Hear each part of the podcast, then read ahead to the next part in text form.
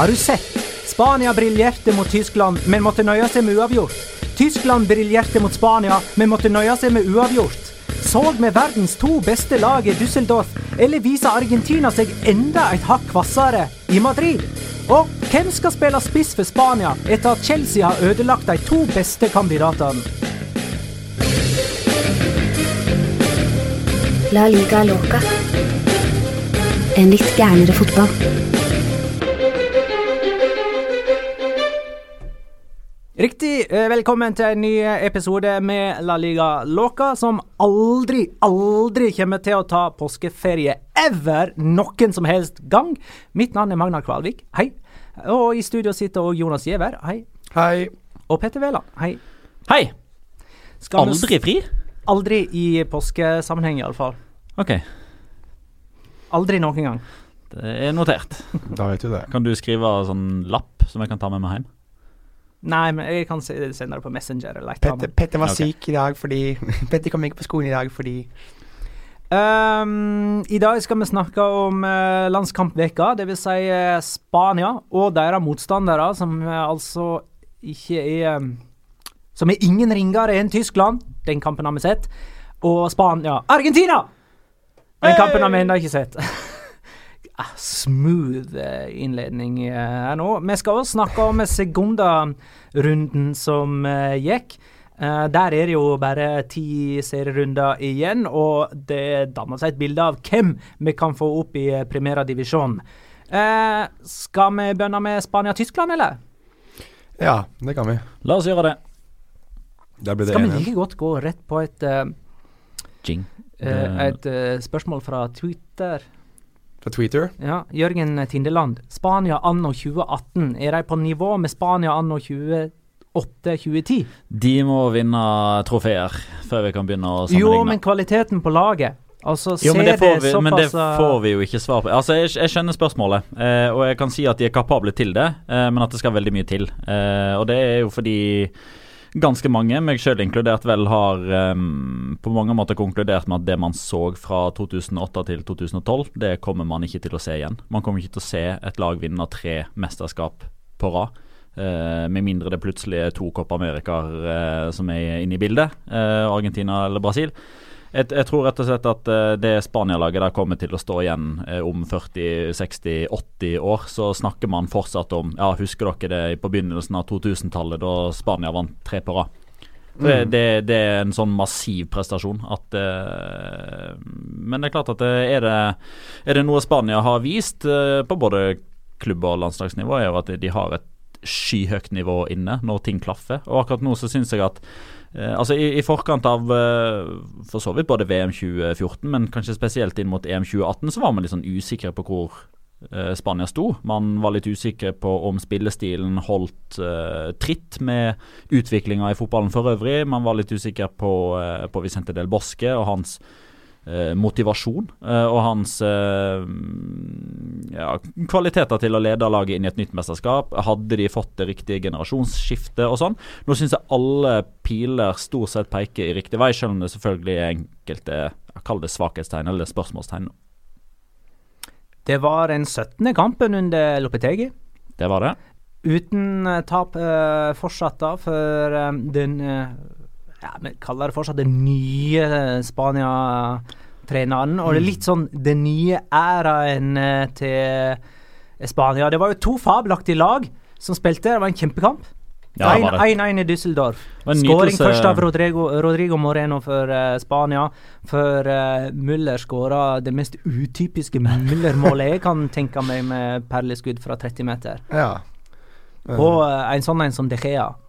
På De Gea som klaget veldig på uh, VM-ballen etter kampen. De spilte med den nye VM-ballen. Telstar er det vel den heter.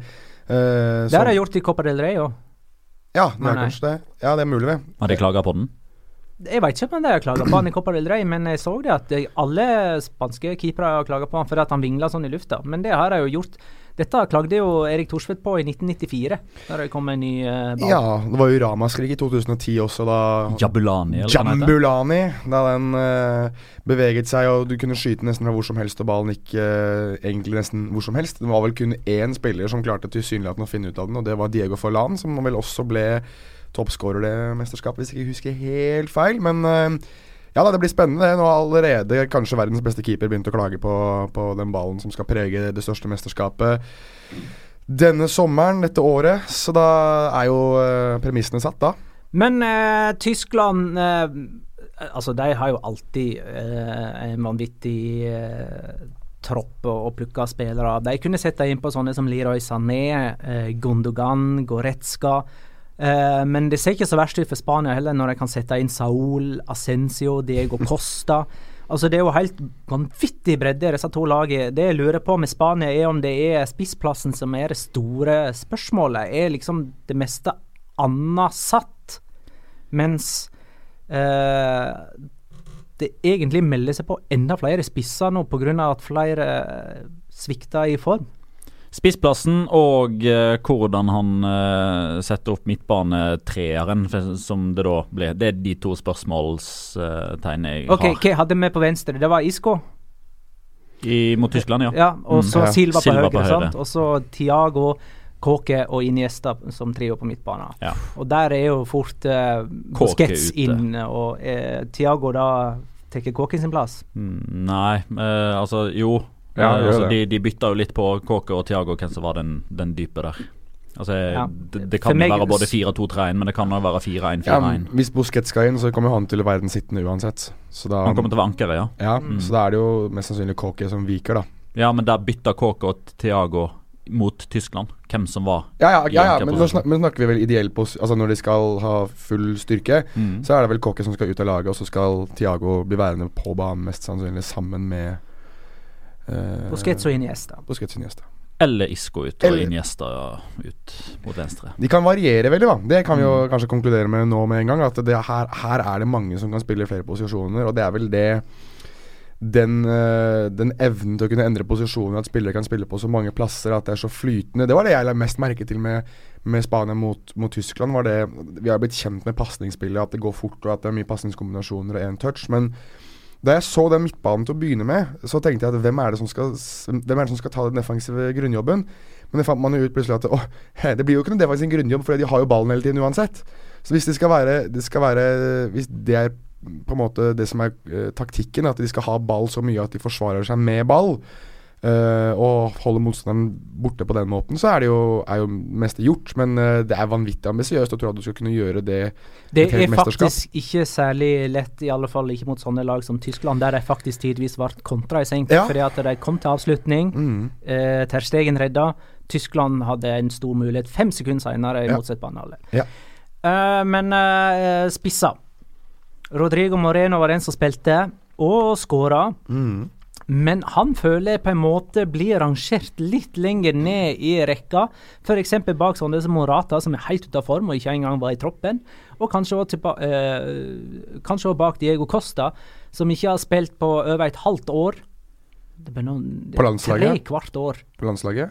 Eh, før han gikk til, til Atletico Madrid, mener jeg. Oh, ja, sånn ja. ja, ja. Eh, Mm. Fordi at han var helt ute i kulden. Men tenker du noe nå blant den gemene hop, eller tenker du hos Loppetegi at, han, at Rodrigo er bak, Nei, sånn som jeg vurderer det, tenker jeg. sånn som du vurderer? Ja, men Morata er jo ikke i troppen engang. Nei, nei, men eh, likevel så føler jeg at uh, han blir rangert eh, over Rodrigo Moreno fordi at han har større kapasitet, og vi venter liksom bare på at han skal komme i form igjen.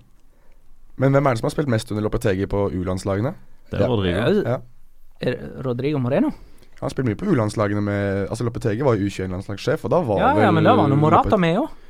Ikke like mye som uh, eh, Da- da- da spilte begge to. U21, eh, Begge to spilte. Da spilte, de, jo- da spilte spilt- Rodrigo ute mot venstre. og han skåra jo i under, en del under kvalifiseringen òg nå, Morata. Jo, jo, jeg bare antar at uh, den, den som Lopetegi har hatt, um, hatt med Altså, Man ser jo ganske kontinuerlig at han liker jo å ha spillere som han kjenner fra U-landslagene. Og, jeg mener å huske at Rodrigo Moreno spilte veldig mye på U21 som spiss da under Lopetegi, men det kan godt være jeg blander Men det, eh, men det altså i, i begynnelsen der, for det er jo forskjellige årganger. Rodrigo 91, Morata er 92. Så helt i begynnelsen av Rodrigos karriere så var det håper jeg, kun han, og så kom Marata opp. Men han- eksempelvis når de vant U21-EM i 2013, da spilte både Alvaro Marata og Rodrigo Marino mye. Og den som har skåret flest mål gjennom tidene på U21, er jo Rodrigo Marino. Ja, det var det jeg skulle fram til. Ja. Ja, nei, men eh, da, gir, da er det jo litt sånn uh, hipp som haps uh, for det poenget der. Men eh, Altså, jeg, jeg tror vel at det er fem kandidater som utgjør, som utgjør Altså som I hvert fall at, at, de at fem, fem, og så er det tre av de som skal til, til Russland. Og da er det vel Rodrigo, eh, Aspas, Morata, Costa og Adoris. Er det noe jeg mangler da? Av de fem så skal vel tre til VM, så er det to som blir igjen hjemme. Uh, og akkurat nå, sånn som Rodrigo Moreno spiller, så Du kan vel strengt tatt ikke sette han igjen hjemme nå, sånn som han holder på. Eh, og da er jo spørsmålet det er, Kan du gjøre det med Jago Aspas? Du kan jo egentlig ikke det. Diego Costa er, uh, begynner å nærme seg en form. Man vet hva som bor i Alvaro Morata, og Adoris gir jo noe helt nytt igjen.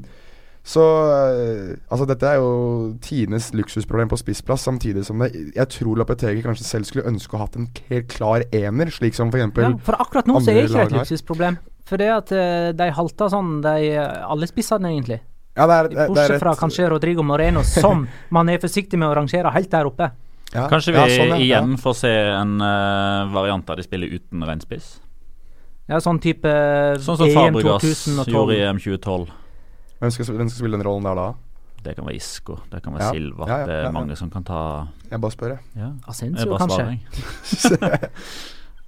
Det er lov, det, men jeg, jeg Men jeg syns det For det var så mye sånn her klikk-klakk-spill eh, mellom eh, Isco, Iniesta og Silva. Spesielt Mm. det Ja, det var jo i første omgang Iniesta spilte.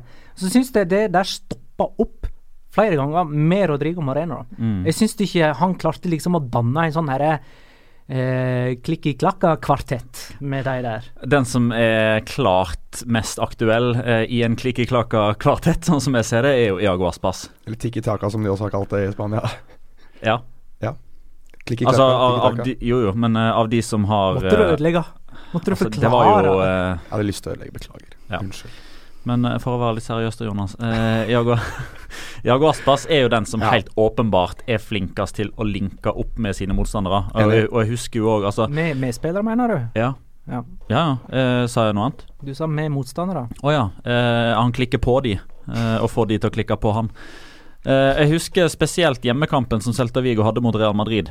Eh, da sleit eh, Real Madrids eh, midtstoppere, og ikke minst Casemiro, noe voldsomt med å ta han ut av kampen. For han Mm. kom alltid ned fem-ti meter, var et oppspillspunkt, spilte videre ut på ett touch. Tilbytte. Var, eh, var ekstremt mye involvert i det oppbyggende spillet, mens som Magnar helt korrekt påpeker, det er ikke der Rodrigo sin styrke er, på noe som helst måte. Han, han har blitt en, eh, en bakromstrussel, en mann som har gode avslutninger, en mann som, som setter ballen i mål. Men som eh, altså Bare i Valencia så syns jo både Santimina og, og Simone Sasa er bedre som oppspillspunkt og en møtende type og en link-up-spiller enn hva Rodrigo Moreno er. Mm. Det er enig Eh, ok, nå skal vi si uh, ta en runde. Hvem spiller spiss uh, mot Portugal i VM til sommeren? Hvor mange Hvor lenge er I, det i til startelveren. Det er to og en halv måned til. Å, herregud. Ja, vi kan jo prøve. Men du snakker jo i sånn 20-30-årsperspektiv vanligvis, så dette er jo Mm. peanuts. Det er helt sant, det. Jeg sier Morata. Eh, jeg sier Rodrigo Moreno. jeg. Sier Rodrigo Moreno, jeg òg. Ok, dette burde man skrevet ned. Ja, ja. Det er ikke så vanskelig enn at du sier Morata, vi sier Moreno. You say Morata, we say Moreno. Iniesta spilte ganske bra. Eh, Det er ting som tyder på at eh, han eh, Den siste kampen i VM er hans siste landskamp ever. Marka skriver i alle fall om det. Det er ting som tyder på at han har tenkt å gå ut med et brak. For herregud, hvor mye for et preg han kunne sette på den kampen i løpet av de 45 minuttene han spilte. Ja, han spilte jo Rodrigo Moreno gjennom uh, i Ja, si målgivende hadde han. Ja. Nei, han er jo, han er jo uh, pasningssentral og den som linker opp mest, og den som er uh, åpenbart hovmester og alle mulige andre begreper vi kan bruke. Maestroen på banen for, for Spania. Det, det, sånn skal det jo egentlig være. Han påtar seg jo kanskje den rollen som både han og Xavi delte litt på i disse lagene som vant uh, mellom 2008 og 2012. Og han har jo tydeligvis kapabel til å ta begge rollene selv, så det er mm, vanvittig moro å Han var helt formidabel, syns jeg. Ja, men han spiller eh, alle så mye bedre. For, fortsetter han sånn i, inn i mesterskapet, så, så er han eh, tre ganger bedre enn det han var i VM 2014. Oi, ja. Ja, i 2014, ja. Ja, Ja, ja, det var var jo ikke så langt ifra, da. Eller så, det er ikke så vanskelig å være bedre enn det. Tre ganger bedre. Så vi for øvrig de to beste keeperne Oi, i verden i den kampen der. du så verdens beste i hvert fall, men Så, så to av de. Ja. To av de beste. Det er flere som Men det er klart, akkur akkurat, akkurat i den kampen her, da altså, Ja, du påstår har nok at det her er best, men Ter Stegen var bedre på fredag. Ble Ja, testa bedre mer òg, da, riktignok. Det kan jeg godt si. Det kan jeg godt være enig i. Simen Slottsveen spør eh, om vi måtte velge uh, Ter Stegen eller uh, Neuer, skadefri, i mål for Tyskland. Hva hadde vi gått for? Neuer. Neuer? Mm. Jeg sier Ter Stegen, ass. Jeg òg sier Ter Stegen nå. Skadefri Noyer. Altså, snakker vi form, eller, eller bare at han er skadefri? At han Nei. Ja, Jeg være veit ikke hvor mange eventualiteter Altså, vi skal kjøre inn. Ter Stegen er jo i kjempeform. Det, jo, det kan vi jo ikke unngå. Men, er i kjempeform. ja, hvis, ja, litt sånn som Olaf Tufte var en gang i tiden. Hvis, hvis den formen Ter Stegen er i nå, da kan du, ikke, kan du kanskje ikke ta han, eh, ta han av og sette på Noyer. Men jeg mener hvis, hvis du skal se Hvis vi skal sette de helt likt i, form, i formkurve, Noyer og Ter Stegen, så er jeg Noyer Altså Every day of the week and twice on a Sunday, som de sier på engelsk. Der kom det et sånt uttrykk igjen, ja.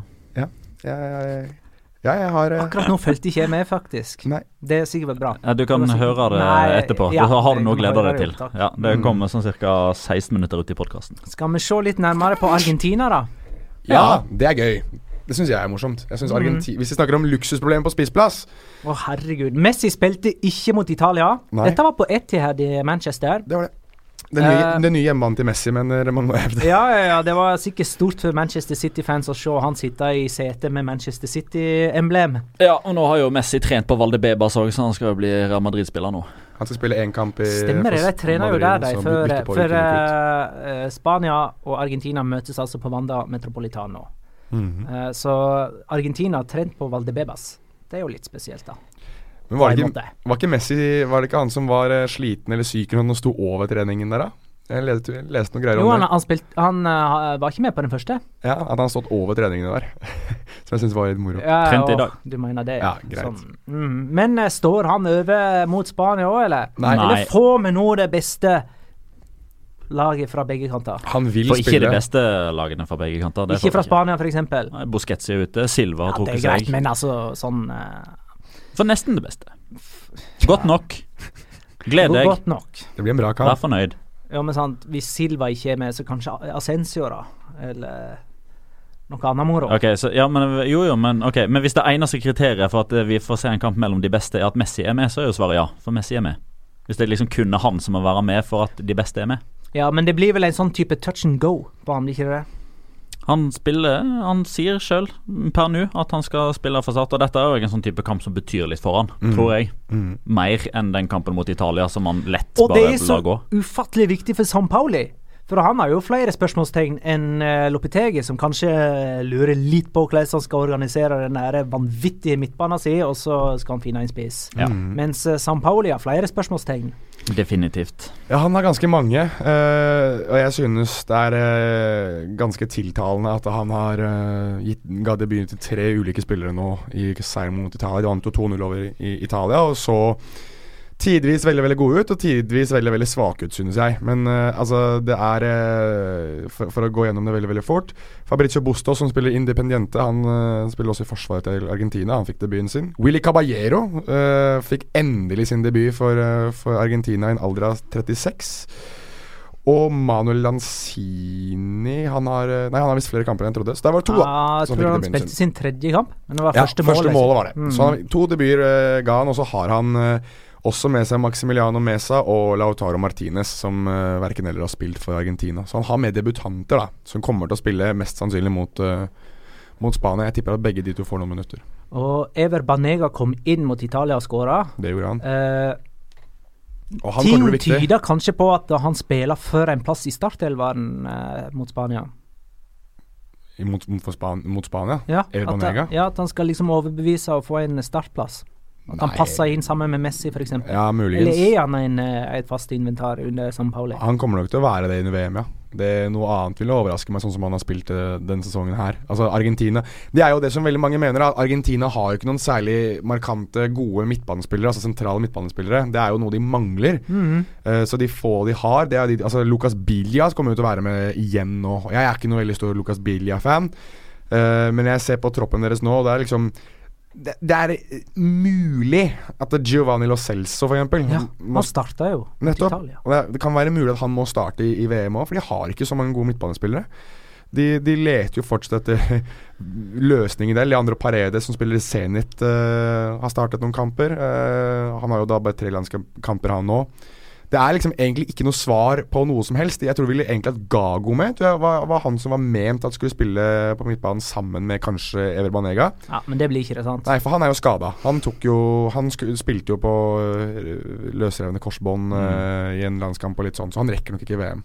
Jo, det stemte. Det var jo han som insisterte på at han skulle spille. Ja, han at skulle spille videre. Ja, han nektet å gå av med, med løse korsbånd. Og det er øh, Så, så det, er, det er store spørsmål da om hva, hvordan, hvordan de skal løse den midtbanen. Altså Enzo Perez kan fort bli, være med, han også.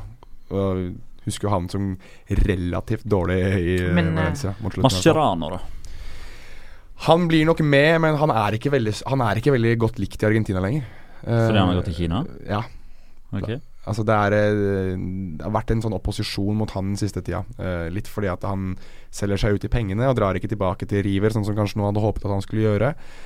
Um, så det er eh, Men han er nok med. Han er nok the elder statesman, for å bruke enda et engelsk begrep, som skal være med og være den, den veteranen som på en måte skal holde folk litt i øra og vise litt uh, hvor, hvor mentaliteten skal være. Los huevos, som de sier i Argentina. Men uh, la oss leke oss litt med angrepsrekka til Argentina. Åh, Det er det som er moro her. Altså, Apropos angrep er det beste forsvar. Ja, altså Jeg har aldri sett, tror jeg Da må vi tilbake til Brasil for ganske mange år siden, med, med så mye angrepstalent som de har her. Fordi Altså I den troppen her, da, så har er De som er med, er Sergio Aguero, Gonzalo Ta de som ikke er Aguero med. er ute. Bare ta de som ikke er med først. Aguero. Okay, Aguero er ikke Di med. Maria. Han er med. Men Di Maria og Aguero har begge meldt forfall. Har de det nå, ja? ja det har jeg ikke fått med meg, i hvert fall. Icardi er ikke Icardi med. er ikke med. Uh, Joaquin Correa er vel ikke med. Uh, skal vi se Dar Dario Benedetto er ikke med. Han har jo spilt mye for San Paolo. Dybala. Dybala er ikke med. Dybala er ikke med. Ja, ok, De har ganske mange gode spillere som ikke er med. Ja. Og, mange, og ganske Javier mange Pastore. Pastore er ikke med. ja, Jeg tenkte først og fremst på angripere nå. Ja ja, men det er jo et definisjonsspørsmål. Godeste- Angripere og spisser er to forskjellige ting, sånn sett. Lucas Nei, for jeg så det at Uguain eh, spilte med kapteinsbinde, for uh, Argentina. Jeg er klar over at han er ikke kaptein sånn uh, når alt og alle er med, men eh, Så jeg, jeg blir liksom ikke komfortabel med at uh, Argentina, med det angrepstalentet de har i uh, potten, bruker Iguain Jo da, en, men altså det, er han, eh, det, The Jinxminator Det utsletta det nå etter at uh, Iguain sendte Juventus. Juventus. videre mm, mot Tottenham. Han og Dybala. Ja, ja, Han er ferdig han nå. Han, er eh, han blir matchvinner, han. Nei, men hvis det er en Jeg, spiller som jeg, folk ikke liker, liker, jeg så kommer aldri til å glemme den offsiden han hadde i VM-finalen i 2014. Da han var sånn fem meter offside, og så skåra og så sprang halve banen og jubla som en bajas. Han var den eneste på stadion som ikke skjønte han var i offside. Han var jo gjennom han, altså det, er jo, det er jo en ting som Hvis vi snakker om spillere som ikke er likt i Argentina, så er det jo, det er jo jeg, jeg husker ikke hva personen heter, men det er jo en kar som har laget en YouTube-video hvor han har satt uh, Iguain i alle de sjansene han har bommet. For han har bommet på store sjanser i Copa America-finalen mot Chile. ja, ja. Og i, i VM-finalen mot Tyskland. Ja, ja. Og han satte opp alle de sjansene og så har han gått gjennom arkivene og funnet identiske situasjoner der Gabriel Batistota har scoret. Ikke sant? Bare for å vise at hadde vi hatt Batistota, så hadde vi vunnet Copa America to ganger og VM. Uh, og det Men, er jo men, veldig men, men ting er jo noen ganger så svart-hvitt at om Iguain hadde satt eh, den sjansen mot Tyskland, eksempelvis, Ja. da hadde alle ment at Messi var størst gjennom tidene. Så basert på hva en annen spiller gjør, Mm. så er det veldig mange som mener at den og den ikke Ja, altså, jeg forstår ikke sånt. Nei, men Det er et veldig godt poeng. Det, men, men Iguain er vel kanskje Igjen når vi snakker om polariserende personer uh, Han er vel kanskje den mest polariserende personen i landslagstroppen til, til Argentina. Og det er jo egentlig litt fint for Messi, for han var jo den personen. Så Iguain har jo tatt all den dritten Messi fikk tidligere for ikke å være god nok for Argentina. Men uh, ta uh, den ideelle angrepsrekka deres, da. Ja, altså det spørs jo Når Dybala og eh, Aguero er klare igjen, når Det spørs jo litt hvordan Sampaoli har lyst til å spille, da. Om han har lyst til å spille med en spiss, eller to spisser eller tre spisser. Altså Vi vet jo at Sampaoli kanskje er den største pragmatikeren i, i fotballen i dag. Og har så spilt ut som 4-2-3-1 mot Italia. Ja, og da antar jeg jo det at han har lyst til å ha Iguain foran med Messi med Messi enten ut, på, enten ut på høyre, hvor han kutter inn i en fri rolle, og kanskje Aguero som en sånn slags hengende spiss bak, uh, bak Iguain, eller at, uh, at Messi spiller bak Iguain. Jeg tror Iguain kommer til å starte. Uh, ikke, ikke både Dybala og Icardi bedre alternativ? Men Dybala er jo ikke spiss. Nei, Icardi ik, Nei, altså, Som er nummer ti, han Ja, men det, det veldig mange har, uh, har, sagt, da Jeg husker spesielt dette i forbindelse med Juventus-Barcelona i Champions League forrige sesong, når du skulle få denne Tia-duellen mellom Dybala og Messi. Da var det mange som sa at de to de fungerer ikke sammen, fordi de oppsøker de samme rommene. De ja. vil ha ballen like ofte. Ja, ja, de bør ikke starte, eller i hvert fall ikke og de har spilt sammen. De har spilt sammen under VM-kvalifisering. Og det har Og det har ikke fungert like bra. Da Først da Dybala forsvant ut, at det ble litt bedre for, for San Pauli. Så han har jo forsøkt det. Men den, den, spilleren som jeg kommer til å savne mest i, under VM, det er jo han du nevner, Mauro Icardi. Det er jo altså, Det er vel veldig få spisser i Europa som jeg mener er mer komplette enn en Mauro Icardi. Sånn som Altså, han har Og hvorfor er ikke han med? Det tror jeg først og fremst handler om personligheten hans. Uh, han er en kar som er ekstremt kontrasjell. Vi trenger ikke å gå gjennom alt han har holdt på med i karrieren sin nå. Men Nei, men han er utelukka? Han er ikke ute han er, Døra står mer på gløtt nå enn noen gang fordi San Paoli er mer Fordi at eh, konflikten starta før San Paoli var der? Det er ikke, det er ikke ja, men det er vel ingen, det er vel ingen konflikt Nei. Det er vel mer det at man er skeptiske til å ha en sånn type personlighet når de skal være liksom eh, altså, For brødrene, altså, ja. Eh, altså, Argentina sitt mål eh, når de reiser til Russland, er at de skal være der så lenge som overhodet mulig. Ja. Eh, altså De skal gå til finalen og vinne den, og de møtes et par uker før. Så det blir jo en periode på halvannen måned der Mauri Icardi skal være en av eh, ganske Gutta. få komponenter. Mm. Uh, og det man minst ønsker da, er jo oppviglere og folk som uh, blir misfornøyd med å bli satt på benken og ja. sånne type ting. da. Her, eh, her får du Carlos Teves argument en gang i tiden også. Han, had, han, var akkurat det samme. At det var et problem da Carlos Teves skulle være med, bl.a. i Copa America-mesterskap i 2011, blir det vel. Ja så røk Argentina på hjemmebane. Og da, og da ble jo Carlos Tevez stemplet som syndebukk. Det var jo òg Fordi han lagde problemer. Av, ja, for å ta et annet eksempel, da, et positivt eksempel. En av grunnene til at José Manuel Reina har vært tredjekeeper ja. for Spania i yes. alle tider. Eh, fordi han er eh, mm. stikk motsatt av eh, Igardi. Mm. Definitivt. Og det Men um, Ja, men da tror vi det blir Iguain, da. Jeg tror ja. det. Jeg tror det, Men det er spennende å se altså det, det, blir veldig spennende å se om, om uh, Man kan jo f.eks. få to men, veldig uh, uskrevne blad, blad i uh, denne troppen. I Christian Pavon fra Boca Juniors og Lautaro Martinez fra, ja, for, fra Racing. Jeg leste en artikkel på ISPN der det ble hevda at Lautaro Martinez spiller for en plass i 23-mannstroppen mot Spania. Han jeg tør å, å si nå, uh, og så får noen slå det i bordet når det ikke skjer. Jeg er ganske sikker på at Lautaro Martinez er med uansett. Uh, Jorge, nei, ja, Jorge Sampaoli elsker, elsker spillertypen. Han er 20. Og jeg syns jo òg at det er ganske drøyt at man skal liksom Altså to og en halv måned før uh, VM så skal man få en debut mot et av de beste landslagene i verden. Og hvis mm. du liksom ikke er helt påskrudd da, så er du, så er du ute. Det, det tror jeg ikke. Nei, men han, han, altså han viser jo såpass mye gode ting for Bocca for, eh, for Racing Club at det, det tror kommer, jeg ordner seg uansett. Han kommer med. Hva skiller han seg fra uh, Iguain om han gjør det, som, spiller, som spillertype? Mer spillende. Altså Kommer dypere i banen. Er mer interessert i å være en del av det oppbyggende spillet. Uh, kan gjøre mer på egen hånd. Jeg har sett han mest for, for Argentinas U-landslag, og, og synes at han er ekstremt, ekstremt spennende. Uh, han står med, For U20-laget til Argentina så står han faktisk med uh, åtte mål på elleve kamper. Han er en veldig komplett type. Som jeg hadde eh, trodd at vi skulle få se i La Liga. Nå ender det nok med at han går til Inter. Det er jo litt interessant, for han skal jo spille ved Wanda Metropolitano, som egentlig skulle blitt hans nye hjemmebane. Så har det vært en del komplikasjoner som har gjort at Inter har sneket seg litt inn bakdøra og stjålet han under nesa på Diego Simione. Uh, det er en ganske lang og, og mm. komplisert historie som man kan google hvis man vil. Jeg skal ikke kjede dere med den. Men han skulle spilt for, uh, for Atletico Madrid, og nå blir det, blir det Inter på han. Men han er en, en, type som jeg tror vi kommer til å høre om i veldig veldig mange år. Og jeg tror at dette kommer til å være det mesterskapet der han er med som litt sånn, som, som, litt sånn førstereis, som Messi var i 2006. Uh, eh, jeg kommer ikke til å sammenligne dem mer enn det. Uh, men uh, jeg tror han kommer til å bli uh, ekstremt god. og en spiss som kommer til å prege verdensbildet i veldig veldig mange år. Eller verdensfotballen i mange mange år. Verdensbildet blir litt mye, syns jeg. Ok. Eh, skal vi ta en kjapp sånn eh, type recap om eh, andre lag eh, som har vært i aksjon eh, så langt denne veka. Vi spiller altså på en mandag. Frankrike tapte mot uh, Colombia. Mm. Uh, først ved å lede 2-0, uh, og så slippe inn eh, tre kjappe. Ja, Luis Moriel skåra. Luis Moriel. Veldig Sevilla-spilleren som egentlig ikke skåra. Det var jo tidenes uh, merkeligste skåring. Han slår et innlegg fra venstre som bare går rett gjennom alle sammen. Og Litt typisk sånn Det er et eller annet usolid over Frankrike. De kan finne på å, å tape sånne kamper.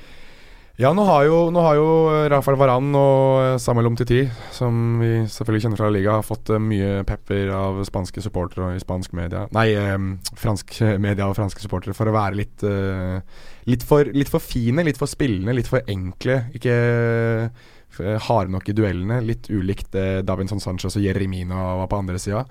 Uh, så de har fått litt pepper nå og må, må nok uh, opp i ringa, som man sier på hockeyspråket, når uh, mesterskapet sparkes i gang. Hvis de to skal starte. Jeg tror nok at uh, det blir en av de to, mest sannsynlig om Titi, sammen med Korsjelny, hvis, uh, hvis dette skal eh, fungere på en eller annen måte. For han er litt mer Han er ikke like god, men han går litt mer i duellene enn det de to kanskje gjør.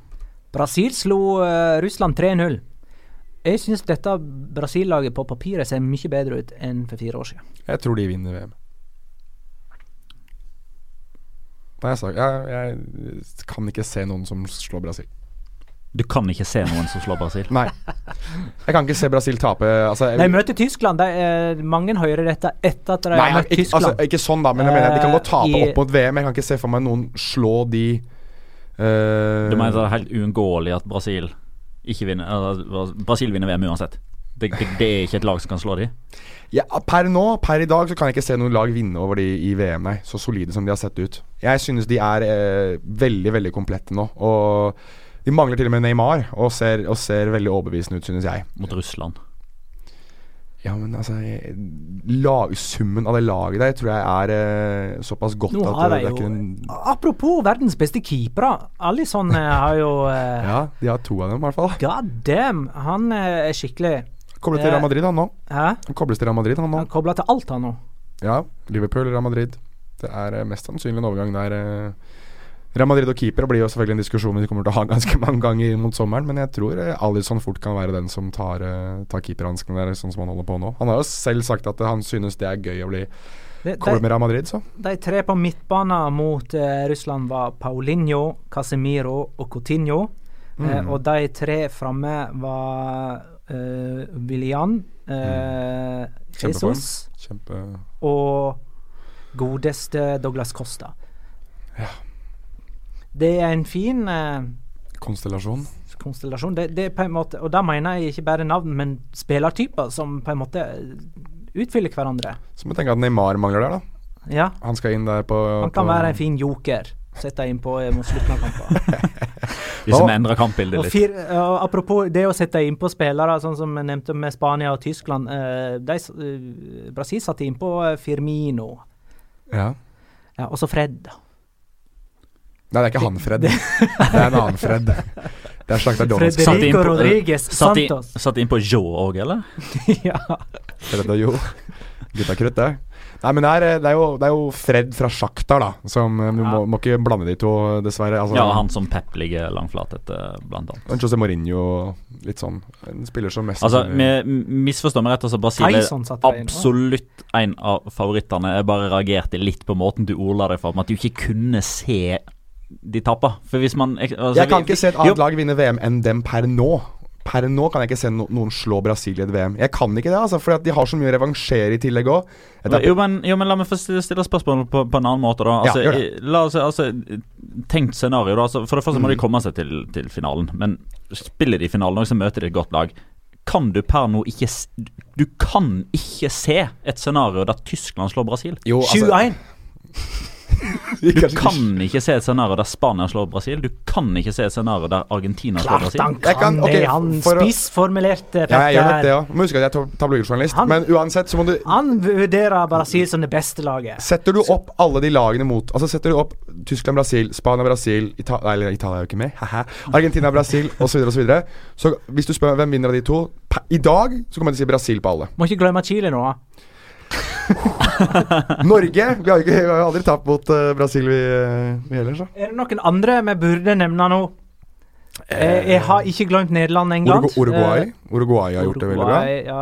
Eh, Hvordan gikk det med dem? De vant 1-0 over eh, Wales i dag, i hvert fall. Altså, Ja, i denne de- Kina-cupen, ja. 2-0 for noen dager siden. Ja, Skårte Suárez og Cavani. Cavani skåra i dag òg. De har jo, hvis vi snakker om firepower, så er jo De har jo fire spisser som alle sammen skårer mål. Uh, Edinson Cavani, Luis Suárez, Christian Stuani og Maxe Gomez. Så det, det er jo Regjerende europamester Portugal slo Egypt 2-1 etter to Cristiano Ronaldo-skåringer på overtid. møter Nederland uh, senere denne kvelden. Ja. Stemmer. Uh, ja, Cristiano Ronaldo, 81 mål Mm. eh, for Portugal. Tredje mest uh, Noensinne, ja. I hele verden på et landslag. Mm. Ferenc Puskas og Ali Dai Ja. som ligger foran. Uh, Sistnevnte der er iransk, var det? Ja, Ja. Ali Dai er fra Iran, og Puskas for eh, Ungarn. Ungarn. Og Spania. Å ja, for begge. Mm. Puskas skåret vel for Spania òg. Han er i hvert fall landskamper for Spania. Det var den gangen det var litt enklere å bytte landslag enn eh, det er nå. Uh, Men det er et stykke opp dit, altså. Eh, han iraneren er over 100. nei, jeg må rette meg selv. Han spilte fire kamper for Spania og skåret aldri. Men han skåret 84, landskamp, eller 84 mål på 85 landskamper for Ungarn. Ja. Et bedre skåringssnitt, og det er det flere som har. Uh, Ja. Gerd Müller hadde òg det. Ja, ja. Men uh, Cristiano Ronaldo kommer jo til å passere Puskas. Definitivt. Ehm, skal vi sette strek eh, for eh, lagoppsummering der, eller? Jeg drev på eh, bra lenge. Ja, det er vel ikke så veldig mange. Hvis det er noen landslag vi føler at de må ta gå gjennom. Jeg kommer ikke på noen akkurat nå. Eh, Jeg bare merka meg at uh, dette er egentlig en ganske gøy landslagsveke. Jeg liker det, Mm. mens det har vakt nye debatter om hvor verdifullt landslagsfotball er. Det er litt interessant at vi kaller det landslagspause her til lands. Eh, det gir jo ikke mening. nei. Eh, hva kaller man det i Spania? Paron. Hva det betyr? Pause. Eh, ja, Gjør det det? Så det er pause der òg. Det er som Mm. et opphold i den fotballen vi egentlig har lyst til å se. Mm. Jeg måtte høre med både dansker og svensker hva, hva de kaller det i andre skandinaviske land. Jeg fikk svar fra flere. flere. Eh, Anne Wrangbæk Kirk fra Danmark. Landsholdpause.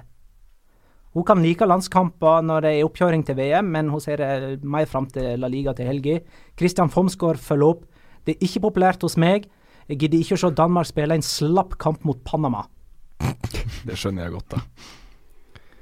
Eh, jo, hva? Theis eh, Taftrup eh, følger på òg. Kampene mangler de siste 10-20 prosentene. Det er liksom stille før stormen. Man får ikke maks. Men nå, dette er dansker, eh, og de eh, mm, ja, møtte Panama. Det, altså når vi ser Spania mot eh, Tyskland, så er det full intensitet, spør du meg. Eh, og Danmark hadde vel problemer med baneforhold og har måttet reise til Malmö for å trene og sånne ting. Eh, Skal måtte avlyse noen treningsøkter. Ja. De skal vel spille mot Chile i Ja. Aalborg? Og der er det visstnok uh, utsolgt, Ja. sier Christian Fomsgaard. Ja. Mm. Ehm, fra Sverige hører vi fra Arian, som har et ganske bra uh, Twitter, en bra Twitter-tag. Mikit Arian. Oi! Er ikke den fin? Landslagsopphold, kaller de det. Det er det samme greia. Ja. Egentlig for det meste et uvelkomment opphold fra klubbfotball, eh, men litt mer interessant nå før VM. Men på Friends Arena så det nå ganske livet ut. ja det, De møtte Chile. Det handler jo litt om kultur, hva slags forhold man har til landslaget. Suksess. Har man noe å glede seg til? Har man noe å se fram imot? Eh, Helt klart det, og det er egentlig grunnen til at jeg tar dette her opp. For jeg mener, eh, det virker som vi har en sånn herre eh, tanke om at landslagsfotball i, som fenomen er på en måte ei sinke i vår fotballinteresse, mens det egentlig er landslag ja. som bestemmer det. Og for vår del så har ikke vi hatt en viktig kamp på to år, når eh, Nations League starter opp i, i høst. Jeg tror at det, Når det kommer dager der, nå skal jeg prøve å være kortfattet, men det er litt vanskelig. Men i alle fall tra tradisjonsmessig og kultursmessig så, så er vi jo veldig, altså, vi er veldig anglofile i Norge. Og England har alltid sett på det som en negativ ting å spille landskamper. Litt fordi det engelske landslaget underpresterer. Det engasjerer ikke. Nei. Og Det samme er det med det norske landslaget. Ja. Etter, etter 2000 så har, har heller ikke landslaget engasjert like mye her. Så hver gang eh, den vante nordmann ikke får se verken Eliteserie eller Premier League, som er de to ligaene som står sterkest i Norge, så er det, det, er det da eh, noe som er uvelkomment. Og når da England i tillegg også har den største og mest innflytelsesrike ligaen i verden, så smitter nok det over på den gemene hop i mye større eh, grad enn det vi kanskje skulle ha ønsket. Men hvis du vrir dette til andre deler av verden, altså sånn som f.eks. Latin-Amerika, så er dette kjempestort. Det er gigantisk å dra til Europa for å spille mot altså, s- gamle kontinentet. Hva? Ja, Når de spiller treningskamper, mener du? Yes, Ja, For altså, de reiser jo. De har jo en slags turné. ja, på mange måter så har de det. Sånn som Chile for eksempel nå drar til Skandinavia for Ja. å spille mot Danmark og Sverige.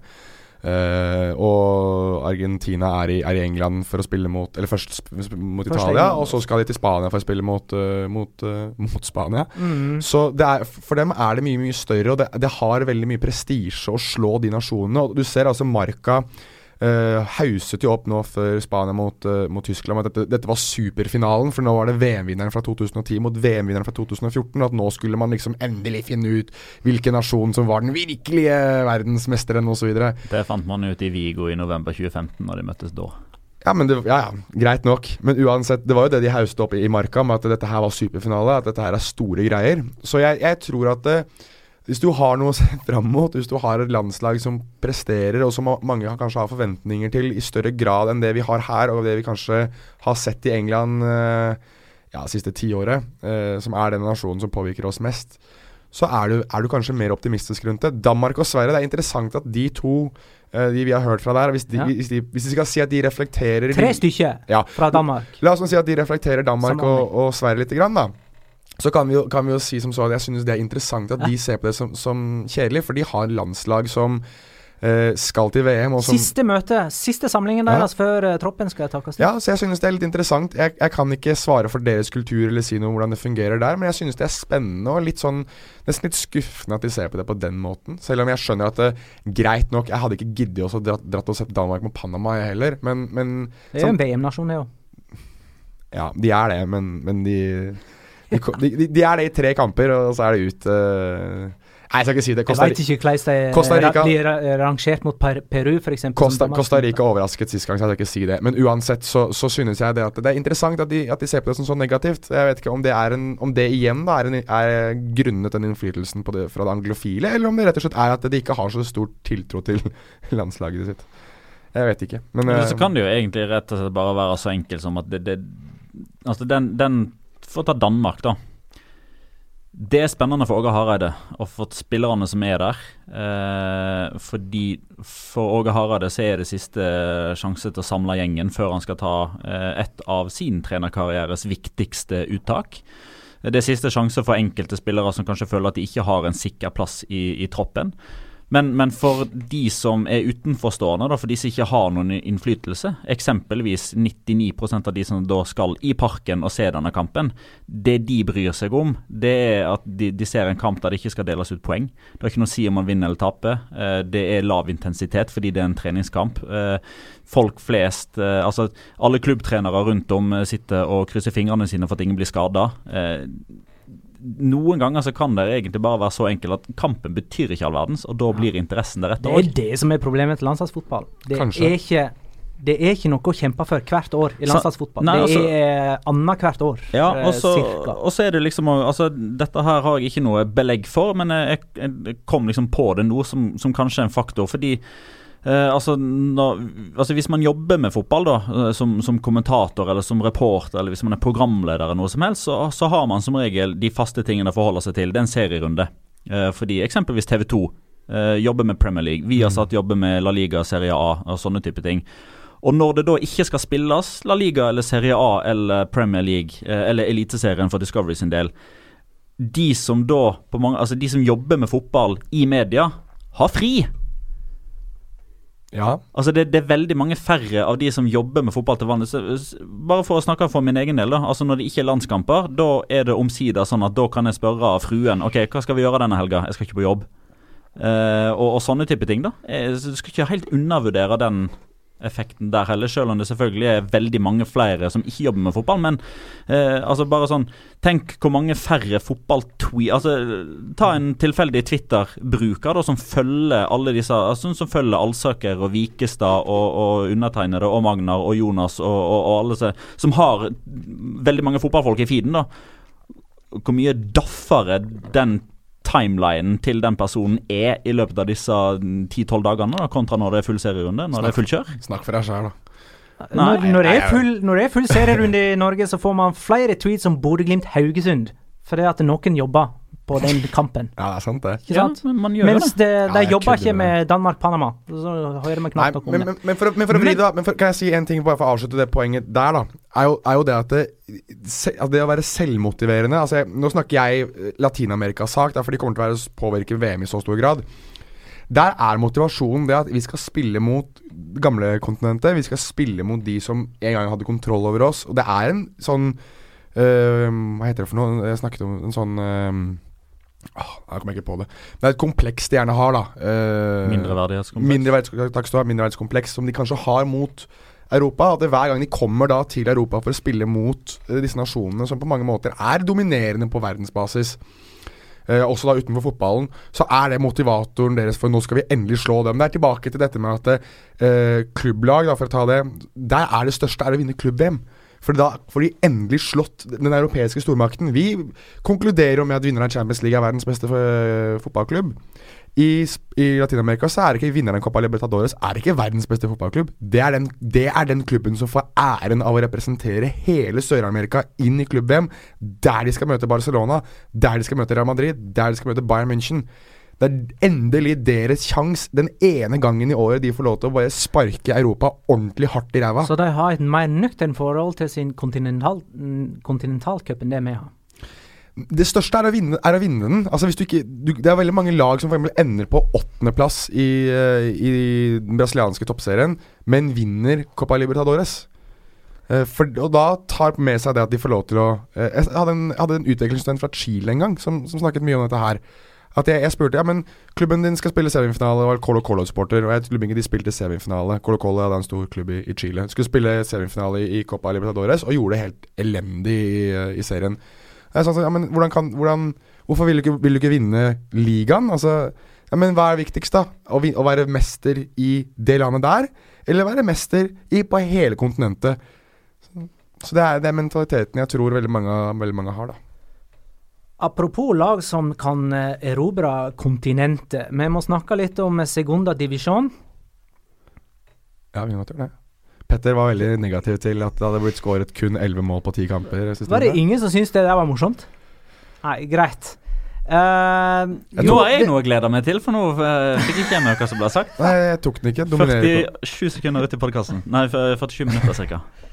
Ehm, jo, dette var jo Segundas eh, mulighet til å skinne. Uh, det var ingen uh, topp fotball, uh, altså toppdivisjonsrunder rundt omkring i Europa. Og jeg benka meg framfor TV-en med Segunda fotball og fikk servert elleve mål på ti kamper. Så du alle ti? Nei, jeg gjorde ikke det, altså. Men det var nå noen høydepunktspakker og sånt i pauser og etter oppgjør og sånne ting, da. Fra andre kamper. Ehm, Ja.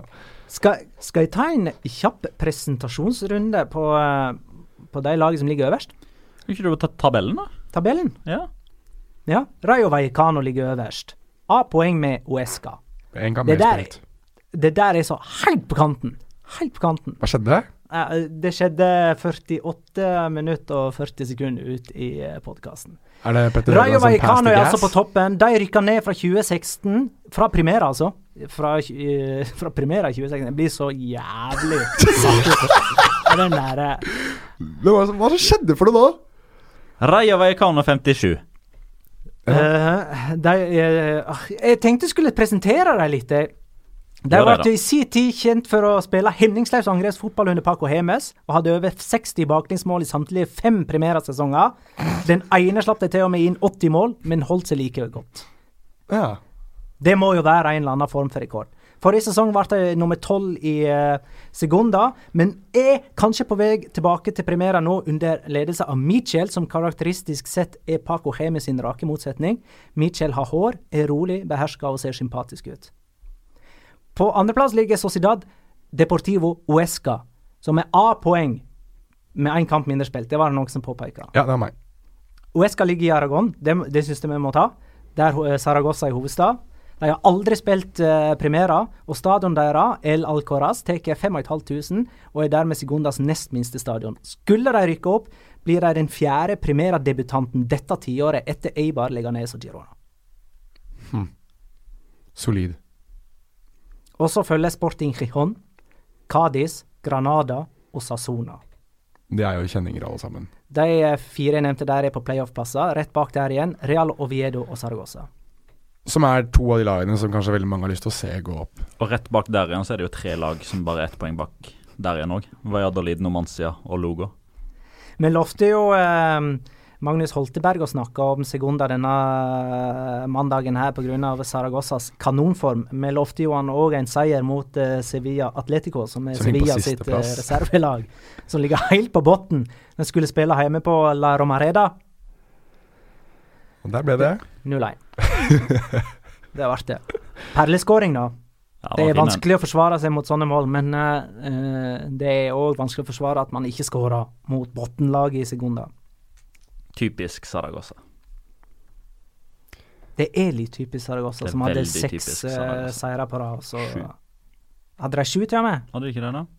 Trodde dette skulle bli en sjuende, men det, er det kan godt hende det var sju. Mange seire var det i hvert fall. Det kan vi jo si. Og i dag, så er, altså den 26., så spiller jo Cádiz mot Huesca også. Det er jo -hmm. storoppgjør. Det er nummer eh, to mot nummer fire. Ja, Uesca altså, som, eh, som eh, hvis de rykker opp, blir en premieredebutant. De leder jo eh, Segunda sånn skikkelig for bare seks eh, runder siden. Hva var det de hadde? De hadde? Jeg tror de hadde elleve poeng ned til Rayo. Mm. Og nå er de A-poeng med Rayo. De lå åtte poeng framfor Cádiz. Og nå er de to, tre poeng framfor Cádiz. Så de har gått fem seriekamper bra uten seier. Ser ut som en kollaps på eh, Uesca. Vet dere hvor mange forskjellige serieledere det har vært i Segunda 17-18? Syv Ein. eller. Hvor mange forskjellige serieledere? Én, sier jeg. Ti. Uesca. Ti forskjellige. Ti forskjellige lag har vært tabelltopp etter endt serierunde. Lorca, som nå er nest sist. Tenerife, Sporting Gijon, Cádiz, Numancia, Sporting Gijon, tilbake til Nomancia, Osasona, Lugo, Granada, og så har Uesca vært fra 14. til 30. Og så var Rayo etter eh, forrige serierunde. Så vi kan få enda en ny, da. Altså at det er oppe på 11 hvis eh, Uesca tar poeng i kveld. Kanskje greit å påpeke her at uh, Uesca han å lede. Ja, ja altså det, det er åtte oh, ja, forskjellige lag, og oh, så ja, er det, sånn, ja. har du bytta ti ganger. Ja, sånn. Kan bli 11 nå. det, er, det er kanskje greit å påpeke her at Barcelona B og Sevilla Atletico, altså B-laget til Sevilla, og begge de også er i den divisjonen. her. Det er ikke alle som vet det, så jeg bare påpeker det. Barcelona B på 16.-plass og Sevilla Atletico på uh, sisteplass. Barcelona tapte hjemme mot eh, Osasona denne helga. Da spratt Osasona opp fra tiende til sjette. Mm. Så nå er de på playoff. Eh, apropos Kadis, jeg må bare ta det. De, de var nede på tredje nivå for to sesonger siden. og Så rykka de opp, og så endte de på femteplass i sekunder forrige sesong. Og så møtte, gikk de ut i playoff mot Tenerife. Der vant de heimekampen 1-0, tapte bortekampen 1-0. Så ble det ingen mål i ekstraomgangene, og da skulle man kanskje tro det var straffekonk. Nei. Men slik fungerer det ikke i sekunder playoff. Står det uavgjort etter 180 pluss 30 minutter, så er det laget som ligger øverst på tabellen, som avanserer. Dermed så røyk altså Kadis ut. Det, det er så, sånn megabitter greie at det, er sånn Jeg føler det er den eneste plassen i hele verden du har en sånn regel. Over et dobbeltoppgjør, da. Synd like- for oss eh, som syns straffesparkkonkurranse er det kuleste som fins. Ja, jeg liker loddtrekning òg, Den som har flest corner, går videre. Stein, saks, papir. Men det kan altså bli andre året på Cádiz da, på rad at de må ut i eh, playoff. Men det er derfor det er så ekstremt altså, Men altså eh, Grunnen, sånn som jeg har forstått det, til at eh, den regelendringa kom, var at det var så veldig mye misnøye blant ganske mange Segunda-klubber og de som styrer og steller, at eh, det var liksom Om du kom på tredje eller sjette, hadde ingenting å si. Du fikk den samme premien uansett. Eh, Du måtte vinne like mange kamper, du måtte være like gode, eh, bla, bla, bla. bla. Grunnen til at den regelen kom nå, var jo for å på mange måter premiere det laget som ble nummer tre og fire, kontra fem eller seks. Altså, det var gullrut. Og, det, gull, altså, og for, og for å unngå at det ikke skulle være sånn fem-seks serierunder igjen der eh, hvem som ble nummer eh, tre, fire og fem var avklart allerede, eh, for å få flere kamper som faktisk hadde betydning på slutten av sesongen. Det har faktisk noe å si om du blir nummer tre eller fire, eller fem eller seks. Ja, Så kan man diskutere om det er er greit nok, Litt men enig. ikke godt nok. Det er ikke godt nok, Kenneth. Uh, har vi snakka om eh, Granada? Vi har jo ikke det. De rykka jo ned eh, forrige sesong med et eh, brak. Uh, der sjøl ikke de magiske trenerhendene til Tony Adams kunne redde dem. Eh, kanskje mest kjent for å være farmerlaget til Watford og Odinese, men nå er det jo kinesisk eierskap. på ja, de er ute av det triangelet, sånn Mm. formelt sett, men så har de jo fortsatt noen kontrakter og litt sånn som gjør at de fortsatt er liksom en del av spindelvevet. Nydelig sted å dra for øvrig. Kjempevarmt uansett Ja, ja. når du. Alhambra og Alhambra er kjempefint. Ja, ja, ja. Nydelig. Og så tok Pedro Moria over som trener forrige uke, og ble den sjuende treneren på drøyt to år. Det er godt gjort. Tony Adams var trener her en Sju dager. Ja, han sparka de to foregående. og har han ansatt er- disse her nå. Nei, Han er jo sportsdirektør Ja, han er der fortsatt, han. Ja, ja. Herregud. Tony Adams der, altså. Jeg lurer på om det var to eller tre av totalt 36 Når de rykka ned forrige sesong fra La Liga, så var det noe sånn som 35 eller 36 spillere som fikk, eh, som fikk spilletid. Eh, og av de 25 som hadde mest, altså ikke sånne B-lagsspillere som fikk en kamp her og der, så tror jeg det var bare to eller tre som ble med ned. Altså Det var altså så vårrengjøring i den troppen der at eh, ja. Kommer de opp igjen, så er det med et helt nytt mannskap. Andreas Bryn mener vi må prate om Rayo og BB. Jonas? Ja, altså jeg skulle jo Fikk jo oppdraget av dere å se Se den kampen, da. Mellom Ja, eh, Rayo og Sporting Gijon, eller omvendt, da. Det var på El Sporting eh, Rayo. Molinon i eh, Der må jeg faktisk skuffe og si at den kampen har jeg ikke sett. Men jeg har sett eh, høydepunktene. Det var skuffende, Jonas. Ja, jeg Jeg så det. han. Ja, da kan jo du gi meg mer, eh, mer oppdatering. Jeg, skal BB, BB sett uh, utmerka seg med god skuddfot. Han har bra suserfot, BB. Men det er jo ikke Men hvis, det, hvis du på en måte baserer mye av opprykket ditt, eller, eller mye av eh, sesongen din på at BB skal ha en god sesong, så vet jeg liksom ikke helt hva- jeg skal tenke om det, da. Han ble vel leid inn nå i Han er slutten av januar. Han innlånt fra, Fra Eibar. Eibar. Ok, Eh, og jeg skal- tror han er en bedre sekundaspiller enn primæraspiller. Det er mulig. Så forhåpentligvis for han, så kanskje han får, får eh, spille for en, en klubb der nede. Han er ikke noe Jeg synes ikke han er så veldig god, jeg, da. Jeg synes, dessverre. Han eh, Hans historie er jo veldig trist, men, men, eh, men han er dessverre ikke bedre enn en dette nivået her, kanskje.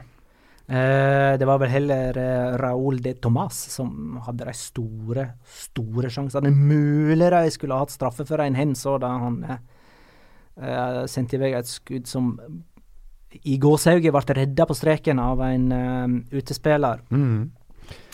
Men noterer meg at det er ganske mange kjenninger, da. Fra, altså, du, det er navn her du har hørt før. Altså, jeg kan, Men uh, ja, har du lyst til å nevne noen, i- siden du er inne på det? Nei, jeg, jeg ble bare veldig glad da jeg satt og så på høydepunktene at uh, jeg endelig fant ut hvor Carlos Carmona var, f.eks. Jeg visste ikke at han var der. Han eh, var ikke den første jeg eh, noterte meg. Carlos Carmona i Sporting. Ja, jeg visste ikke at han var der fortsatt. Ja, Og at han var der fortsatt, ja. Ja. Ok, ja for han har vært der ganske lenge nå. ja jeg, jeg trodde han forsvant etter at de, de rykket ned, men eh, han, eh, at han fortsatt er der, det var litt sånn gledelig, uh, synes jeg. Kan jeg få ta toppskårerlista?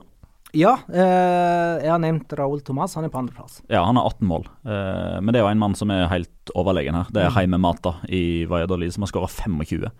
Eh, og av og til så får man jo noen av de der som bare bøtter inn mål på nivå 2. Husker Charles gjorde jo det. Eh, også Angel Rodriguez forrige sesong. Han har jo nå klart å liksom ta steget fra Segunda til eh, til La Liga, men jeg husker jo også eksempelvis eh, en som det ikke gikk så bra med, han som gikk til, til Eibar nå, Nano Mesa, som skåra ganske mye for Tenerife. Men uansett av toppskårerlista nå, Heime Mata 25 for Valladolid, Raúl de Tomas har 18. Han er jo er han på lån. Eller han henta permanent fra Real Madrid Castilla. Eh, spilte vel et par kamper sammen med Martin Ødegaard i sin tid, hvis jeg ikke husker helt feil. Eh, Sergio Guardiola i, har, nei, i Cordoba har 17, og så er det Borja Iglesias for eh, Real Zaragoza. Det er jo et eh, Celta Vigo-produkt. Har 15. Eh, og så har vi da altså en eh, annen mann som har skåra 15 mål denne sesongen. Han er på lån til Sporting Rijon fra Malaga. Så Michael Santos har skåra flere mål alene enn hva hele Malaga har gjort i La Liga denne sesongen. Så det var kanskje ikke det, den beste avgjørelsen de tok eh, langs eh, solkysten i uh, sommer. Uh, Raúl de Tomàs er på lån. Han er på lån, ja. Og sånn som jeg forstår det, så er han Real Madrids eiendom. Det er godt mulig. Um, men det var jo en som spurte oss for ei uke siden, Jakob Berge var det, hvordan ser vi for oss at nyopprykka lag fra Segunda kommer til å klare seg neste sesong i Primera? Eh, og da setter lyset sånne som Eibar, Girona og Leganes, som har gjort det ganske bra. Hvis man ser, hvis man ser ti år tilbake i tid, så har de tre der, pluss Jerez, debutert i eh, La Liga. Det var vel bare Jerez som rykka ned for, på, eh, med en gang. Bortsett fra at Eibar da gjorde det egentlig, men Mm. berga plassen pga. økonomien til Elche. Altså, min teori er jo for hvert sånt debutantlag som gjør det bra, så eh, svekkes sjansen for at neste eh, miniputt skal gjøre det bra. Jeg tror kanskje det har vært litt sånn undervurderingen i bildet, at noen tar litt sånn lett på ja, Leganes. Første lag i Eller første gang de er i La Liga, tar man en titt på spillerstallen og har kanskje ikke sett alle disse her så mye, pga. at det er som regel spillere som har spilt eh, noen sesonger på nivå to, som har vært med på spillerlaget opp, og så er man litt usikker på, på hva slags nivå de holder. Så er det jo begrensa hva slags type spillere man kan hente inn. altså Det er gjerne noen leiesoldater fra midt på tre-lag, eller spillere som ikke får fornya kontrakt på, på topp fem, topp seks. Man er litt usikre på hvor står osv. Men eh, nå har jo historien vist, da først med, med, med Leganes, som eh, holdt plassen uten problemer forrige sesong. Og så har Girona på mange måter klart å gjøre det enda bedre. De er jo i ferd med å bli den beste debutanten på 20-25 år. Eh, så det er klart at da, da vil jo klubbene, altså de andre klubbene, få litt sånn øynene opp for å tenke at det er greit. Nå har vi sett de siste sesongene hva disse sekundalagene faktisk har å by på når de kommer opp. Det er ikke så stor forskjell mellom bunn La Liga og topp sekunda. Nei, men ja. For, mm, det kan være at det er et lite skifte nå i hva vi i framtiden kommer til å, å regne som faste primærlag. Vi har sett sånn Racing Santander og Mallorca var rimelig faste primærlag før de bare plutselig forsvant helt Mm. ut av det. Eh, Osasuna, Real Saragossa, eh, Almeria en stund. Eh, så det kan være et skifte i terreng der, der det kommer opp nye. Sånn Eibar, Ja, det- Girona, kanskje Uesca. Kommer opp og etablerer seg og blir på en måte de vi i moderne tid regner som standard faste primeraklubber. Som erstatter de som forsvant. Dette syns jeg er det fine med Dette er litt det jeg syns er mest fint med La Liga, da, på, på sett og vis. Det at um, dette er lag Men som sånn er det i alle ligaer. Altså. Nei, ja, jo, det er på sett og vis, men, men um, det her viser kontinuerlig bygging. Det, og det syns jeg er veldig gøy med sånne lag som Eibar, som Leganes. Til del som Girona, nå gjenstår å se et par sesonger til der, men iallfall Leganes og Eibar. Dette er lag som kontinuerlig har bygget og bygget og bygget og bygget, og nå har hatt et så godt fundament at de har klart også å bygge videre på det at de gikk ett nivå opp også. At de var klare for det, på sett og vis. da De var ikke sånn at de kanskje rykket opp et år for tidlig, eller at det har ehm, ligget At de har vært litt heldige med visse ting osv. Det er lag som har bygd et fundament, og så har de gått opp, og så klarer de å bygge videre på det. Ehm, det er det ikke så ofte du ser i alle andre ligaer. Altså, jeg, uten å bli uh, late som jeg kan veldig mye om, om, for eksempel Serie A, men sånn som Spall osv., eller, eller Benevento og sånn, er lag som jeg har sett et par ganger, og da tenker jeg veldig fort at det er lag som, som er litt førstereis. De skal opp en gang, og så skal de ned, og så er det over. Mest sannsynlig. I, i Premier League så har du du har ett lag som, som, som kanskje eh, markerer seg mest nå i championship. Det er Wolves, som har fått veldig mye penger, og som har kjøpt veldig mye riktig, og som kommer til å rykke opp. Og så kommer de nok til å være i Premier League en del år. Men det er ingen lag Altså Huddersfield for eksempel, er, har vært litt heldige. Og nå er nedrykksspøkelset litt grann, eh, hos dem og, og lurer. Og så er det selvfølgelig en del lag der som er kanskje litt dårligere enn dem denne sesongen. Men jeg synes i Spania så har man vært veldig, veldig flink på eh, altså andre nivå på å bygge kontinuerlig, for så å være klare for opprykket. Istedenfor å gått opp, tenker at dette, dette er gøy, nå skal vi være her et år, og nå spiller vi eh, Nå spiller vi 38 cupfinaler, og så skal vi rett ned igjen. Det er, det er mer Altså, vi, til, vi hører hjemme her oppe. Vi skal være her, og det, det synes jeg er um, forfriskende. Men jeg I synes, men, så kunne du ha nevnt Sassuolo. Sassuolo kunne jeg nevnt, men de har vel uh, vært uh, oppe et par sesonger, har de ikke det? Jo, de, de har på en måte etablert seg. sånn, ja. Ja, mm, kom ja. opp, de Når var det? 2012-2013? Noe sånt noe. Så det er kanskje et lag som går litt imot Plutselig da. Europa og Må noen, noen må gjerne arrestere meg på Serie A, ikke meningen å gå etter dem, men jeg bare noterte meg bl.a. Spall og Benevento da, som to lag som jeg, jeg liksom noterte meg at det her, er, det her virker ikke veldig solid. Uh, men igjen, da, jeg synes i hvert fall at Spania har, har eller spanske lag har vist uh, Vist det litt, da. At det, er, det går an. Det er mulig å gjøre det på den måten her også. Jeg, og det er forhåpentligvis sånn da de to lagene eh, som rykker opp nå fra, fra Segunda, kommer til å bli værende i hvert fall to-tre år. da Kanskje de har bygget tre riktig. lag rykker opp. Og hvem er det? Ja, tre lag, da. Tror eller håper? Nei, nå, nå tror vi. Rayo. Da tror vi Sport Eller jeg, da tror jeg eh, Sporting Chichon, Rayo Vallecano og Osasona. Ja, tok du de tre jeg skulle ta, du? Da sniker jeg inn Uesca på bekostning av Osasona. Kan, jeg si, kan vi si det vi håper, da? Så, Rayo, Sporting og Uesca på meg. kan vi si det vi håper da? Ja, ta det du vil av Ja, men Ta først det du tror, og så tar vi det vi håper. vet samme som deg. jeg. Du tror det? Ja? Ja, jeg tror uh... Rayo, Sporting og Osasona, Ja. tror du. Mm. Jeg håper på Rayo Vallecano. Det er viktigst. Eh, og så vil jeg ha opp Real Oviedo, og så vil jeg ha opp Real Saragossa. Jeg gidder ikke å si mitt, for han tok Petter de tre også. Jeg tenker Uesca, Oviedo og Saragossa, er da. ja. Cardis en god uh, nummer fire. ja, jeg synes i hvert fall det er viktig å få opp eh, da. Det er, nei, men det er vanskelig å velge sånn Men eh, ja. Saragossa hører hjemme i La Liga. ja, de gjør det også lenge siden de har vært der nå. Ja, så jeg det- begynner å savne de ordentlig. Ja, men det er lag som altså, Når du tenker La Liga, så er det et av de lagene som jeg tenker først på. At det burde være at de, Pablo. Aymar, Ayala, Oliveira, Milito, Mm. Tidenes beste lag som Sergio rykka Garcia, Zapate. fra Primera. Zapater. City. Zapater. Med Ricardo Oliveira og gjengen. Ja, ja. Helt rått. Var, var ikke det 08-09? Eller var det det var litt seinere. 07-08? Det var da Sergio Garcia kom med i, VM i EM-troppen. Mm. Han var i Saragossa og rykka ned. mange som glemmer at David Villa var innom der. Gabi. Mm. Uh, Andre Herrera. Andre Skal, uh, skal vi runde av der? Ja, det skal vi. La Liga Loca finstuderer. Nordin Amrabat.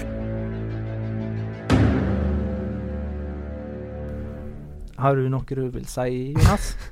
Nei, det er ikke, det er ikke tidenes uh, lengste segment, det her, holdt jeg på å si. Men, men uh, Nordin Amrabat eh, er eh, viktig for Marokko, og kommer til å være viktig for Marokko. Der har du to blad Amrabat, Sofian Amrabat og Nordin. Det er vel mest storebror Nordin som kommer til å spille i, uh, i VM, og det er jo mest her jeg kanskje lik, liker ham best, da, når han faktisk presterer for det marokkanske landslaget, for de slo Serbia 2-1. Eh, litt overraskende, synes jeg, etter scoring av eh, Hakim Ziyech på, på straffe, før Dusan Tadic utlignet, og Khalid Botaib eh, skulle vinne målet. Men uh, Norden Amrabat vant straffe for, uh, for Marokko. En helt hinsides dårlig takling av den serbiske stopperen. Jeg fikk ikke med meg helt hvem det var. Så ingen ære til Amrabat der, altså. Nja, Det var dårlig av motstander. Egentlig Jo, faktisk, for han skal få litt kred, fordi han faller over. Eh, ballen er egentlig tapt, og så Kred for å falle. Ja, men det nå må du la meg snakke ferdig, da! Kred for å falle. Og så eh, hyler og skriker han eh, om at han skal ha straffe, for han får det ikke først. Og så Å ja, ok, da. Greit. Og så gir dommer straffe. Så skårer uh, Siech. Som det er sist, for øvrig.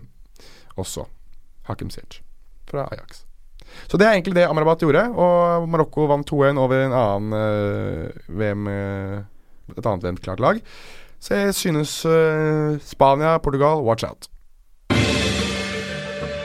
Ukens La Liga Locura. Locura. Locura. Locura.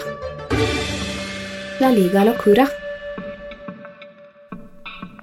Um, ingen locura fra uh, Primera Divisjon. Har vi Locora fra landslagsfotball, Jonas? Jeg har det. Du har det. Jeg har det. Kjør.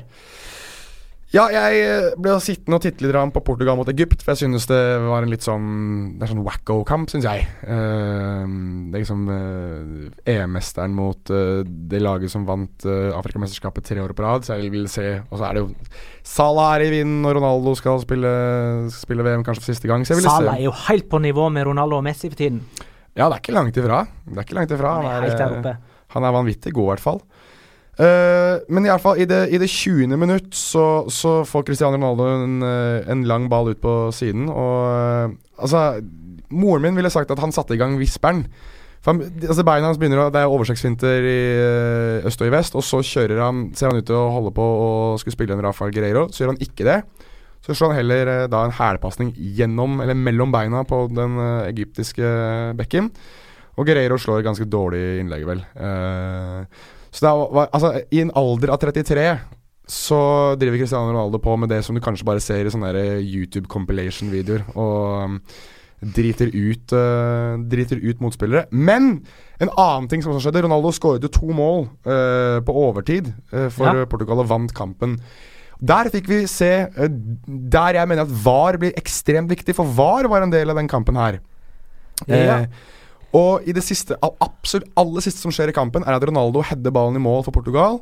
Dommer vinker for offside, og til store protester. Og får så beskjed på øret om at kanskje du skal sjekke VAR her. Det gjør han. Og da er det da altså han, det, er- Vi er inne i det 96. minutt. Jeg tror det var lagt i fire minutter. eller noe sånt. Inne 96. minutt bestemmer seg for å se på VAR. Finner ut at å nei, Ronaldo var faktisk aldri offside. Gir målet til Portugal. Portugal vinner. Og sånn tenker jeg at Se for deg det scenarioet i en åttedelsfinale, kvartfinale, semifinale, finale i VM, der Ronaldo eksempelvis skårer et mål, og så blir det frarøvet fordi dommer tror han har sett offside. Da er VAR ekstremt viktig, for hadde ikke VAR vært der, så hadde det blitt 1-1. Jeg tar en litt kortere locora Ja. fra Segunda. Eh, treneren til Cultural Leonesa, Ruben de la Barrera. Vet du hva han gjorde? Ja, Ja, det var galt. Det han gjorde, det var å stoppe en kontring for eh, Å, det så jeg. Ja. Uh, å, vent litt nå. Jeg, jeg, eh, Albacete. Uh, Albacete satte i gang en kontring eh, helt ute ved sidelinja. Ballen trilla oppå linja, som er ganske nær ved det oppmerka området der trenerne kan bevege seg. Og han tar rett og slett setter ut foten og drar ballen ut av spill og ble utvist. Det var vel fortjent. Ja, jeg får bare ta en generell uh, locora jeg da, med eh, hvor jevnt det er på nivå to i, eh, i Spania. Fordi eh, selvfølgelig da med fare for at Uesca tar poeng i, i kveld, som gjør at avstanden blir enda litt større, da. Men uh, akkurat nå da så har Rayo Vallecano på førsteplass har 57 poeng. Tenerife på tolvteplass har 46 poeng. Så det er altså tolv lag uh, på en differanse på 11 poeng. Og blant de tolv lagene her da så er det to som rykker direkte opp, fire som skal til playoff, og seks som må prøve igjen neste år. Men har du en islandsk locora? Eh, ja, det som, ja. som vi kanskje ikke veit helt uh, hva innebærer ennå, men Nei, likevel det, er det interessant. gjenstår jo å se, men det kom en uh, breaking news her fra AFP, News Agency, hvis jeg bare finner den igjen her, på, hvis jeg søker her. Skal være forsiktig med islendinger, altså. Ja, nå forsvant den faktisk. Men oh, har de tatt den tilbake? Ja, lurer på det. Ja, okay. Eh, men da, For jeg klarte ikke å finne noe i min feed. Men hva var den? Eh, det sto at ehm, Det kom en tweet fra AFP News Agency. Jo, her er den. Breaking. Iceland announces diplomatic boycott of 2018 World Cup in Russia. Nei! Men diplomatic boycott, da tenker jeg vel at det da er bare Da er det politikere som blir hjemme og sånne Re type ting. representanter som ikke møter opp og sånn, men laget Ah. kommer antagelig. Men uh, det blir en interessant story å følge gjennom eh, eh, påsken. Og så har Norge tatt ledelsen mot Norge Albania. skåra mot Sigurd Albania. Rosted. Var det han som uh, skåra Det er på, debuten hans. Sigurd Roasted. Det er debuten på hans. corner? Hei, Fint, gutta! Vi Hei. må tippe med. Ja. Det Ja. må vi. Uh, det må vi. Uh, den forrige kampen vi tippa på, var via Real Atletico eh, Madrid. Uh, der tok ingen av oss noe som helst av poeng. Eh, den neste kampen blir vel eh, Sevilla-Barcelona, eller? Ja, vi kan godt ta den. Jeg må gjerne si noe, Magne. Ja, det må gjerne dere òg. Petter Ja, Vi skal tippe på Sevilla Barcelona. Ja, 1-2 Suárez. det er greit. Det er på Ramón Sánchez Pijuan. Mm. Jonas, Uh, jeg trodde jeg lå bak deg på tabellen nå, jeg. Men likt. kan ikke du ta tabellen, da? Så folk vet uh, hvordan vi ligger an. Petter topper med 16, jeg og du har 10. Ja. Uh, og hva ble resultatene fra sist runde? Null poeng på alle sammen. Fordi det ble Fordi at eh, alle sammen hadde Atletico Madrid-seier. Villarreal vant. Uh, og alle hadde at enten at Godin eller Costa skulle skåre det første målet, mens Griezmann gjorde det på straffe. mm. Den er grei. Da sier jeg en eh, Nei, jeg sier 0-2, sier jeg. Eh, og Lionel Messi. 0-2. Jeg har ikke bestemt meg ennå, jeg, altså. Jeg sier um, 2-3. Oi. Um, Mye mål, altså, med andre ord. ja. Så spiller Joaquin Korea.